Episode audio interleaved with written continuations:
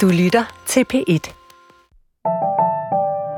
Der er seks skriveløst og magtkampe på en højskole i Lara Ringos nye roman Grundtvig er død. Petra er nyansat lærer på skriveholdet. Hun er klar i spyttet. Sexet og forførende, og så er hun god til at få det, hun gerne vil have. Men samtidig er hun faktisk ret idealistisk i sit blik på højskolen. Velkommen i bogselskabet, Laura Ringo. Tusind tak. Du er forfatteren bag Grundtvigs død, og den udkom på Grundtvigs dødsdag den 2. september. Ja. Hvorfor var det vigtigt? Mm, jeg synes, det var vigtigt, fordi det var altså, sjovt og meget pudsigt sammentræf, når det passede med, at jeg cirka var færdig med den til den tid. Øhm, og så fik jeg overtalt min redaktør til, at det godt kunne være den 2. september. Er du ikke sød at starte, som vi altid starter i bogselskabet, med at læse den første sætning i prologen til din roman? Sådan en har den nemlig også. Det kan du tro. Når de ankommer på en kold januardag i dynejakker, eller på en varm augustdag i kjoler og shorts, ligner de nogen, der har lyst til at gemme sig. Og hvorfor den her ramme? Hvorfor starter den sådan med de, med de nye elever, der, der ankommer? Jamen, det er en måde, hvorpå læseren ligesom kan ankomme øh, sammen med eleverne til højskolen. Så det er sådan, ja, en ankomst. Og så er hele prologen jo sådan øh, et forsøg på, for alle dem, der kender højskolen, ligesom at vende, vække genkendelse, øh, så de kan se alle de pudsige ting, som de fleste genkender. Øh, og så for dem, der ikke kender højskolerne så godt, eller slet ikke kender noget til dem, en måde ligesom at indføre dem i højskolens dramaturgi og hverdag på. I slutningen af prologen, der lover du også, at der kommer til at, at være dødsfald. Ja, det er rigtigt. øh, hvorfor hvorfor øh, den der cliffhanger? Det var egentlig et tydeligt plot. Lige ja, her. det er et ret tydeligt plot. øhm, det synes jeg var ret sjovt at lege med ligesom at love på nærmest øh, en af de første sider, der er en, der skal dø, og så først til allersidst afsløre, hvem det er. Altså på den måde øh, stjæler det jo ja, det er sådan lidt krimiplot-agtigt, bortset fra her ved vi ikke, hvem der er død, og vi så skal vi finde ud af, hvorfor. Vi ved bare, at der er nogen, der skal dø, men vi ved ikke, hvem det er, eller hvorfor de skal dø. Og det synes jeg er sådan en ret øh, fed motor øh, at skrive videre på. Der er jo nogle anmeldere, der ligefrem har talt om sådan en højskoleromanen som en genre. Ja. Men hvorfor har du valgt, øh, at højskolen skulle danne ramme om din, øh, din, den her roman? Det har jeg, fordi at jeg har brugt øh, enormt meget tid på flere forskellige højskoler, både som elev og som lærer og som praktikant. Så derfor øh, er det en arena og en ramme, jeg kender rigtig godt, og som jeg synes, øh, i forhold til at skrive en roman, kan mange ting. Fordi det er den her lidt lukkede boble, og hverdagen kommer ligesom, alt kommer til at handle om højskole, når man er på en højskole. Og på mange højskoler er det også sådan, at lærerne og eleverne bor på samme matrikel, så samtidig med, at det er en skole, så er det også et stort kollektiv, hvor man laver alting sammen. Man fester, og man spiser sammen, og man bor sammen og skal få det til at fungere. Det kan jo godt skabe ret mange konflikter. Og så er der selvfølgelig også noget med, at folk øh, bliver forelsket og går i seng med hinanden, og det skaber også altid ret meget dramatik. Hvordan er dit eget forhold til højskole? Altså, elsker du højskolen, eller er du kritisk over for den? Øh, begge dele, tror jeg. Mm. Øh, jeg elsker den meget, fordi jeg jo har altså, brugt meget tid på den, men når man altså, elsker nogen eller noget, så øh, jo bedre man kender det, jo, jeg synes, jo mere ser man også øh, sprækkerne og det, der kan være problematisk øh, ved sådan et fællesskab. Vi skal tale om magt og sex og om at skrive godt øh, i den næste halve time. Men lad os lige prøve at få styr på, hvad det er for en historie, der udspiller sig i, øh, i din roman Grundtvig er død. Vores hovedperson, det er Petra. Hun har udgivet en roman. Hun er lidt frustreret over, at hun ikke er kommet ind på forfatterskolen, og, og måske også lidt i tvivl om, der overhovedet er flere bøger i hende. Så derfor har hun søgt job som underviser på skriveholdet på den højskole, Nyord, øh, en fiktiv højskole, hvor hun selv var elev 10 år tidligere. Øh, hun får en tidsbegrænset ansættelse, og, øh, og kort efter så indleder hun en affære med højskoleforstanderen Frank, som var hendes skrivelærer, dengang hun selv gik på højskolen. Efter nogle måneder, så øh, indleder hun også et forhold til en elev, og, øhm, og så vågner ham her, forstander Frank, op og laver forbud mod, at lærere og elever de må indgå forhold til hinanden. Og det sætter så en, en lavine af hændelser i gang lærere og elever på højskoler og kunstskoler, der har sex, det er jo ikke fri fantasi. Nej. Hvorfor har det pirret dig som forfatter? Jamen, øh, jeg synes, det er altså en spændende diskussion, fordi jeg tror, at de fleste, som har haft noget med højskole at gøre, ved godt, at der mange steder øh, har været en tendens til, at lærerne og eleverne gik i seng med hinanden, og der måske stadig er det. Og øh, jeg fornemmer også lidt af de her år, at der er, altså også i kraft af MeToo og alt mulige andre strømninger, der er i samfundet, er begyndt at være sådan en ny diskussion om, hvorvidt at de her slags relationer kan være problematiske. Øhm, fordi at fortællingen om højskolen er jo tit, at øh, eleverne er voksne, og det er en fri øh, institution, hvor man er nogenlunde lige lærer elever imellem, og man kan godt blive venner, og derfor kan man selvfølgelig også godt øh, gå i seng med hinanden. Øhm, men alligevel er der jo en eller anden form for magtforhold, og der er nogle hierarkier. Øhm, og jeg tror øh, stadig, det er sådan, og det i hvert fald har været sådan, at de fleste øh, højskolelærer har nemmere ved at score en elev, end de har ved at score alle mulige andre, fordi der også er noget erotisk kapital i at være nogens lærer, og nogen man ser op til. Og spørgsmålet er jo så, om man kan, og om man må udnytte det.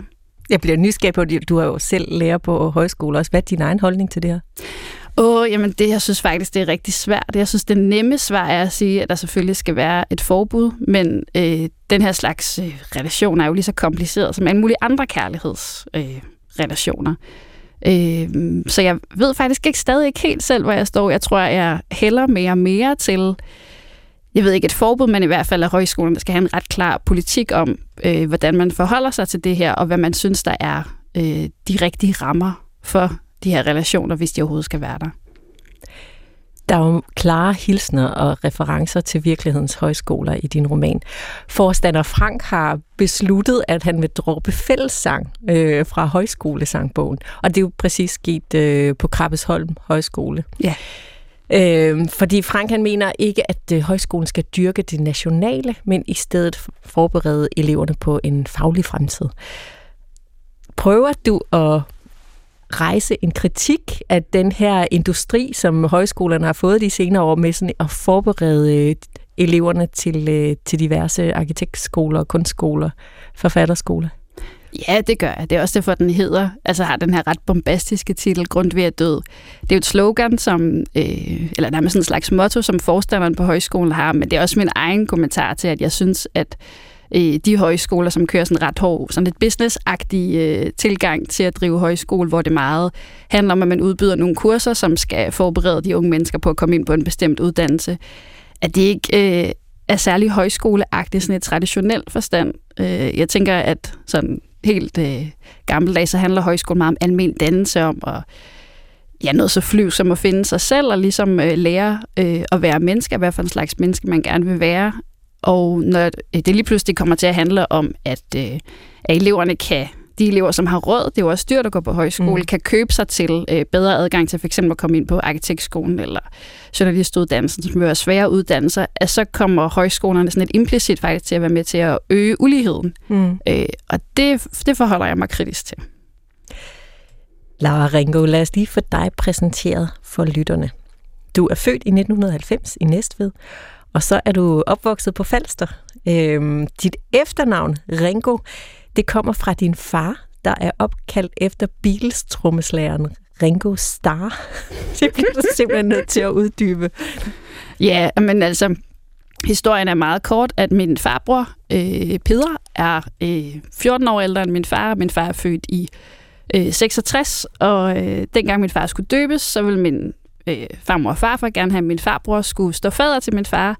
Øh, men det var jo i 60'erne, og min øh, farbror var hippie, så det ville han kun gå med til, hvis min far kom til at hedde noget Beatles-relateret til øh, efternavn. Og så øh, blev de ligesom enige om, at Ringo var det, der kunne lyde mest dansk. Altså jeg tænker, men det havde også været ret sjovt, hvis jeg hed Laura McCartney. Eller Laura Lennon. Det lyder også meget sejt. Ja. Du debuterede som forfatter i 2017 med romanen Kremasterrefleksen. Du siger det helt rigtigt. Gør det? Ja. Godt. Og jeg var, jeg var også nødt til at google det, for at finde ud af, at en kremasterrefleks, det er en muskelsammentrækning, der løfter en testikel som reaktion på et strøg på inderlåret. Så kom øh, Papirbryllup i 2019, og den fik du øh, Blixenprisen for øh, som årets Young Adult udgivelse, og i 2020 der udkom Fødedygtig. Og så nu allerede her i 2021, altså Grundtvig er død. Og så er du kandidat i litteraturhistorie fra Aarhus Universitet. Men du har faktisk ikke gået på forfatterskolen. Hvordan har du det med det? Det har jeg det faktisk øhm, ret dårligt med. Øh, eller det kan jeg have det nogle gange. Mm. Øh, jeg synes, øh, jeg kan godt nogle gange have sådan en fornemmelse af, at det er sådan en særlig klub, øh, hvor at jeg så aldrig måtte komme med, eller som om jeg ikke var god nok, og samtidig synes jeg, at at mine bøger er så gode, som jeg kan skrive dem, og jeg synes, det er lige så gode som dem, der har gået der. Men der er da klart en sådan stærk misundelse øh, på dem, der har gået på forfatterskolen, for det er jo sådan øh, et stempel, man kan få af de fleste forfattere, der har gået der, skriver det også ind i øh, sådan forfatterboksen om dem selv. Øh, og det er også noget af det første, øh, man tit bliver spurgt om, hvis folk spørger, om man er forfatter. Og også da jeg arbejdede som højskolelærer, var det også øh, næsten altid det første, eleverne spurgte om. Og det er altid sådan lidt skamfuldt at sige nej. Og så nogle gange har jeg lovet om, at jeg aldrig har søgt ind. Fordi ja, det, det var jeg var da ligeglad med at gå der. Men sådan sandheden er, at øh, hvis man gerne vil prikke lidt til min litterære selvtillid, så er det klart, øh, vil jeg sige, det er punkt, man skal gå efter. Lad os øh, kigge lidt tættere på, øh, på Petra, din hovedperson. Øh, først kunne tænke mig at, at kigge på hende som underviser, fordi eleverne er faktisk ret vilde med hende. Øh, det, hun er en, der som får folks blod i kog. Også ikke bare Franks, men i det hele taget. Og det er noget med hendes fasong. Hun er sådan meget direkte og, og bramfri, og så er hun virkelig skarp i sin tekstanalyse. Jeg kunne tænke mig, at du skulle læse en passage op, ja. hvor vi oplever hende som underviser. Fra side 94, linje 11, min tekst hedder Lovløs lidenskab. Min alliterationsallergi fik det til at klø i min gane. Han begyndte at læse op. Jeg stregede tilfældigt med kuglepinden på papiret. Et lille trick. Det fik mig til at se mere tænksom ud, end jeg var. Og så kommer digtet. Lovløs lidenskab gør mig liderlig. Perverse paragrafer gør mig paf. Jeg forstår ikke aldersforskel. At jeg kun er 19, men sammen med dig er jeg 49. Jeg tænker på dig, når jeg spiser. Du er min appetit.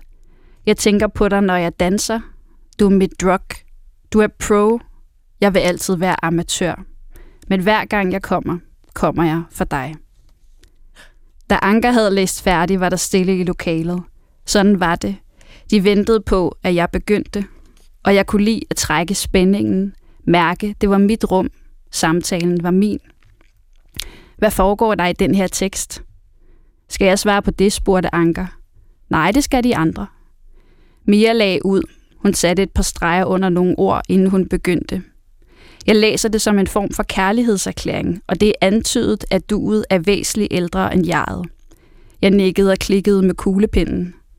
Men jeg skal lige tænke lidt, for jeg kan ikke finde ud af, om det fungerer for mig, sagde hun. Nikita tog over. Hun pillede ved sine lyse krøller. Jeg kan vildt godt lide de to første linjer. Jeg bad hende om at uddybe. De har det der bogstavrim. Hvad er det nu, det hedder? Alliteration. Jeg prøvede at bore min pegefinger ind i tændingen for at skjule min irritation, og spurgte, hvorfor hun kunne lide det. Perverse paragrafer gør mig paf. Det lyder vildt godt. Ja, det gør det, sagde jeg, men jeg kan ikke lide det. Hvorfor? For det er noget vrøvl. Nikita kiggede ned i bordet. Det gjorde resten af holdet også. Det synes jeg ikke bare, du kan sige. Hun fjernede fingrene fra sit hår. Så fortæl mig, hvad det betyder. Hvad er en pervers paragraf? Kan du se det for dig? Er det et begreb, du forstår? Nej, men det lyder godt. Hvis man kun går op i, om noget lyder godt, så skal man lave musiksager. Der kan man også slippe afsted med udulige tekster, der er det rene volapyk. Ja, men hun er jo, altså, hun er benhård. Øh, men hun kræver, at teksten skal give mening. Det skal ikke bare lyde godt. Det skal, øh, hun, hun, øh, hun lægger virkelig ikke fingre imellem i sin, øh, i sin gennemgang. Hvordan ser du hende som underviser? Jeg ser hende som, at det hun... Altså der, hvor hun står, det siger hun også flere gange, hun er prosaist, og hun øh, har svært ved at læse lyrik. Øhm, og derfor øh, tror jeg, at hendes måde ligesom at forholde sig til al slags tekst på at være hyperkonkret. Altså hvis der er billeder, som er uklare, eller som man ikke kan se for sig, så er det altid det, hun peger ud og siger, at det skal laves om. Og det øh, gør hun, fordi min egen erfaring som underviser er, at det tit er det, når man er ny forfatter på Spire og gerne vil lære at skrive, og så forfalder man tit til øh, at lave sætninger, som lyder meget flotte, men som egentlig er noget vrøvl. Så det er også, øh, som når man er ny skrivelærer, et godt sted at starte altid at gå efter det, for så kan man altid kritisere det, og ligesom også lave en bevidsthed om, at tekst skal selvfølgelig lyde godt, og godt sprog må godt have musik og alliterationer, det må godt lyde lækkert, men det må det ikke, hvis ikke det er klart, hvad det rent faktisk betyder. Mm. Hun virker så lidt, hård også. Hvorfor er hun det? Jeg tror, hun er hård, fordi hun også i forhold til det at skrive, står et lidt sårbart sted. Altså hun har søgt ind flere gange på forfatterskolen, uden at være kommet ind. Hun har fået udgivet en enkelt bog, men så er hun kommet til at knalde med sin redaktør, så nu går det ikke så godt med at få udgivet nogle flere. Øhm, så tror hun er også meget misundelig på alle andre forfattere, alle andre, der skriver. Øh, så derfor øhm, forholder hun sig meget kritisk, for hvis man er meget kritisk i forhold til alting, det kan også være sådan en forsvarsmekanisme for ens øh, egen sårbarhed. Og det er ikke, hvad kan man sige, en side af hende, hun er særlig interesseret i at vise. Så, det, øh, så kan man altid være kritisk over for andre øh, og gemme sig bag ved det. Som hovedperson, hvorfor er det spændende for dig som forfatter at have sådan en, altså som Petra? Hvorfor er hun spændende? Hun er spændende, fordi hun er jeg kan sige, en handlingskvinde. Altså hun, øh, hun siger, hvad hun synes, og hun gør det, hun har lyst til. Og det får også øh, historien til at drive sig ret meget frem. Øh, der er fremdrift i hende. Det er også derfor, at det er hende, der fortæller, og det er hende, vi skal følge med. Øh, og så er hun også spændende, fordi hun er ja, egoistisk, og hun insisterer på, at hendes ret til ja, både sex og at være i verden og blive taget seriøst, at, at det er hendes øh, første prioritet. Mm. Jeg synes faktisk også, hun har ret meget omsorg for de her elever. Mm. Altså hun har egentlig et, et, et blik, fordi hun er så relativt tæt på selv at have været på højskolen. Så har hun sådan et ret øh, kærligt blik på, hvad, hvad hun også synes, de skal få ud af det her ophold. Øh. Ja, men hun, på den måde er hun jo også øh, sådan ret øh, klassisk i sin højskole øh, ånd eller højskole øh, holdning til, hvordan det skal være. Øh, og hun har jo også en ambition, tænker jeg, om at være en virkelig god højskolelærer. Hun vil gerne være der. Hun kan godt øh, lide at være højskolelærer. Hun kan også særlig godt lide det blik, eleverne har på hende, når hun kan mærke, at hun gør det godt som underviser. Både når det handler om omsorg for eleverne, men også i forhold til at give tekstkritik. Mm. Og så er hun også meget optaget af sex. Øh, og derfor er der også vidunderligt meget sex i din roman. Og hun går sådan ret direkte efter at få sex, og på den måde, som hun gerne vil have det. Øhm, jeg kunne godt tænke mig, at du igen læste et stykke op, hvor vi skal høre, hvordan hun forfører den her højskoleforstander Frank, ja. hendes gamle skrivelærer. Og mens du finder passagen, så kan jeg lige fortælle, at Petra og Frank, de mødes i den her scene for at spille skak i hans lejlighed.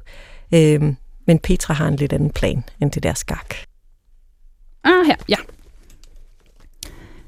Jeg rykkede min hest til B6. Skal vi tale om, hvad du i virkeligheden synes om min bog, sagde jeg. Frank rykkede sin hest til B3. Efter aber. Han sagde, at han allerede havde sagt, at han syntes, den var god, og jeg sagde, at jeg udmærket kunne læse hans underspillede uimponerthed. Hvorfor skulle jeg ansætte dig, hvis jeg synes, du skrev dårligt? Måske kunne du bruge mig til noget andet. Frank sad med lidt åben mund og stirrede mig i øjnene så længe, at jeg var sikker. Ved du, hvad du engang sagde til mig til en tekstlæsning? Du sagde, at jeg var god til sex. Mens jeg tog kjolen over hovedet, sagde Frank, at han havde ment det dengang. Jeg var en af de få, der var god til at skrive om at knalde. Vidste du, sagde han, at der findes en litterær pris for årets dårligste sexscene? Han ignorerede, at jeg nu kun var iført undertøj. Jeg væltede skakspillet på gulvet. I mine fantasier havde jeg klaret det i en aggressiv bevægelse – i virkeligheden virkede det klodset. Jeg placerede min røv der, hvor skakspillet før havde været, så Frank nu stirrede på min brystkasse. Jeg havde øvet min monolog hjemmefra. Jeg var forberedt. En dygtig elev. Nu skal du høre, hvad der skal ske. Om lidt trækker jeg gardinerne for. Dit rygte har ikke råd til, at nogen ser os. Og du bliver siddende, musestille, på din stol. Det er mig, der bestemmer, hvor lang tid du skal vente. Jeg sender, sætter mig i vindueskarmen, tager min trusser af og begynder at onanere. Jeg kommer først og sætter mig på dig, når min klitoris bliver stor nok. Det kan tage to sekunder eller to timer, men du bliver siddende. Du må ikke gøre noget, før jeg siger til. Så knapper jeg dit bælte op, men du skal ikke have bukserne helt af. De skal bare dingle om dine ankler, som hvis du sad på toilettet.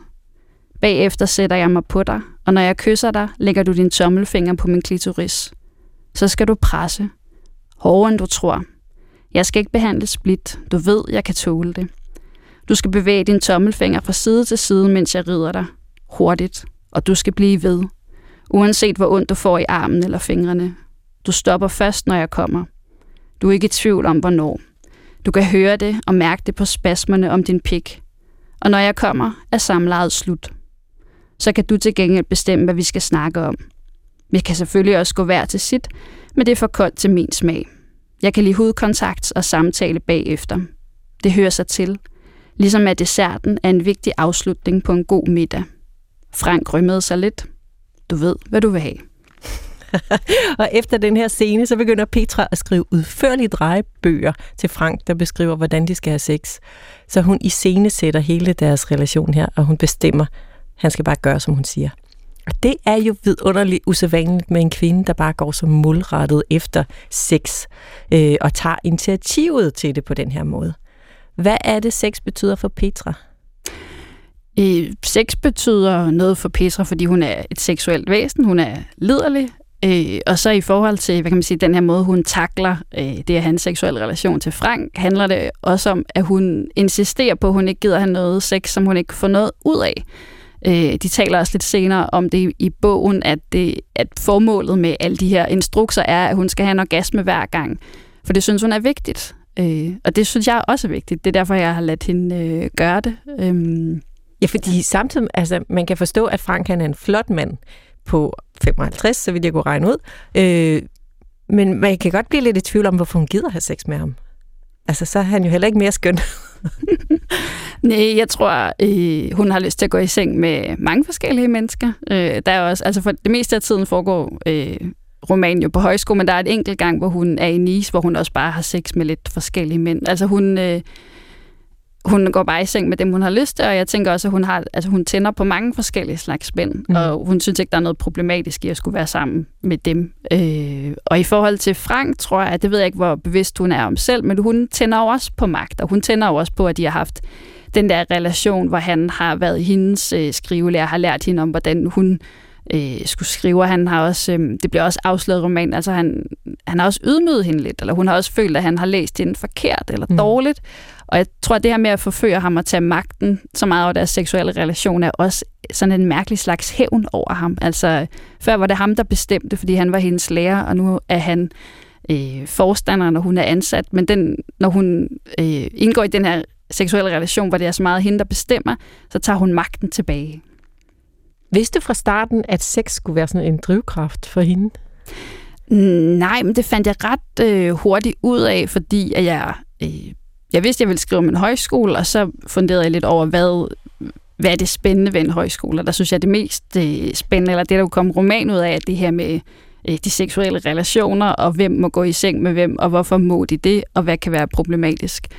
Og så var det meget øh, praktisk, at Petra er så optaget af sex, når det er det hende, der fortæller historien. Mm. Og så fandt jeg også ud af, og det her med at skrive med en fortæller, der er en så liderlig kvinde, og, og insistere på at være det, og overhovedet ikke skammer sig, mm. at det var virkelig fedt at skrive på. Ja. Jamen, hvad fik dig til at, at bevæge dig over i de baner? Jamen faktisk, øh, da jeg begyndte at skrive bogen, var jeg selv virkelig forelsket øh, i min kæreste. Og, øh, og når jeg er forelsket, så har jeg et meget altså, liderligt blik på hele verden. Mm. Altså jeg synes, alting kommer til at handle om sex. Så de første mange øh, sider, jeg skrev på bogen, var, handlede bare meget om sex, og kunne jeg se var sådan meget erotisk blik. Og øhm, så jeg synes, jeg var ikke så interesseret i at skrive om en forelsket kvinde, men jeg kunne se, at jeg kunne bruge det her blik på, øh, på den her, min fortæller ved at være sådan, men kunne det ikke være fedt med en kvinde, som hvis primært drivkraft faktisk bare er, at hun gerne vil have sex med mange, og hun vil gerne have meget af det på bestemte måder. Du har valgt, at de her sexscener øh, også skal være lange og sådan ret eksplicite. Hvorfor det? Øhm, jeg har haft lyst til at prøve at udfordre mig selv, fordi også som Frank nævner, så er der jo også, øh, jeg kan ikke huske, hvad den hedder, men der er sådan en pris for årets dårligste sexscener. Jeg tror også, at der blandt mange forfattere også lidt af sådan en øh, frygt for sexscener, for de kan være svære at skrive, man kan komme til at forfalde til øh, irriterende klichéer med, at nogen trænger ind i nogle andre, og, øh, og så øh, klipper vi videre til noget andet.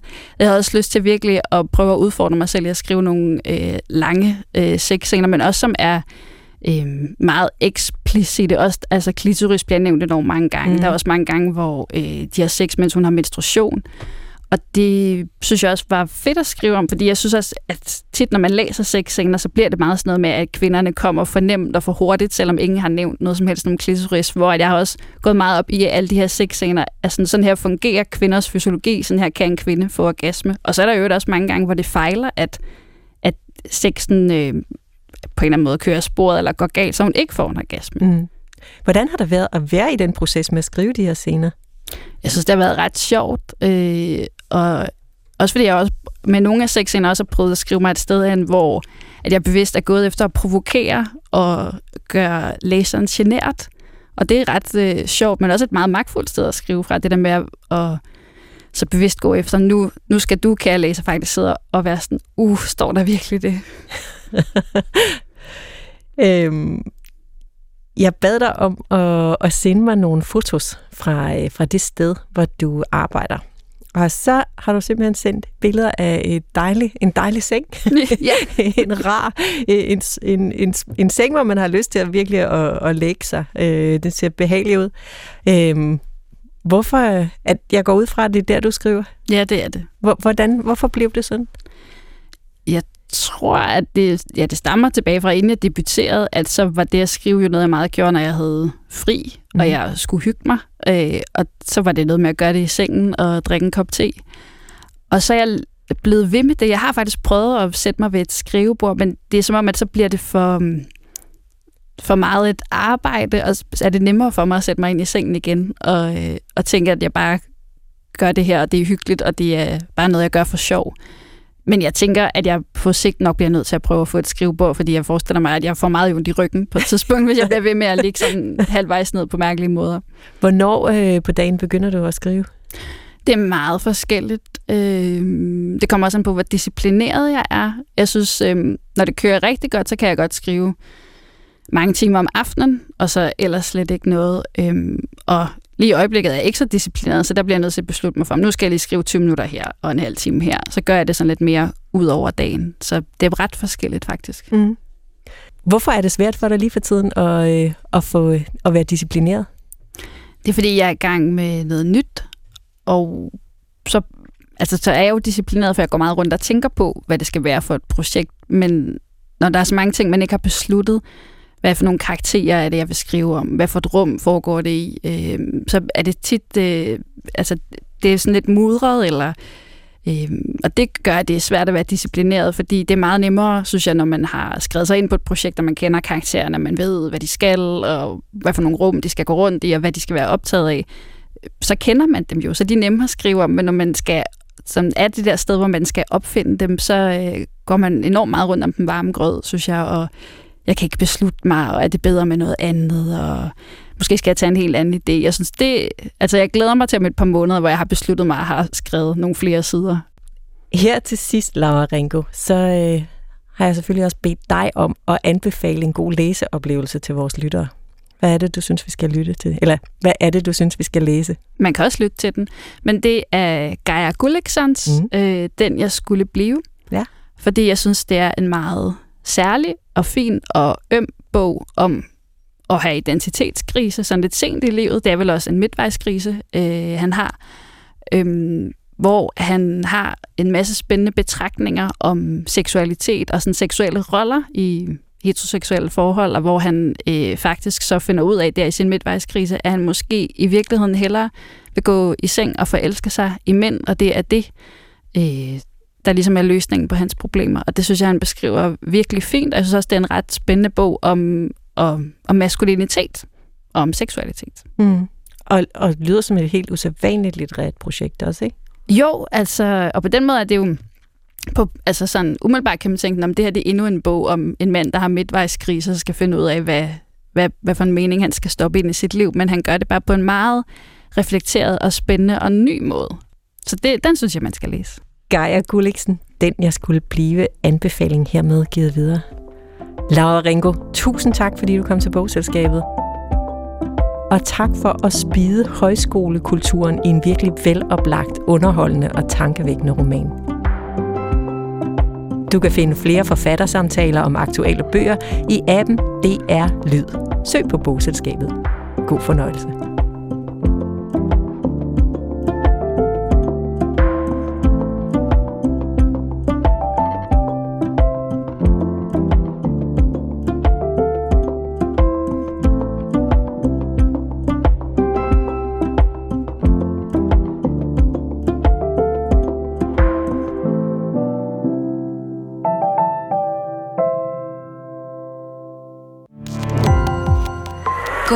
Opdagelse i alle DR's podcast og radioprogrammer. I appen DR Lyd.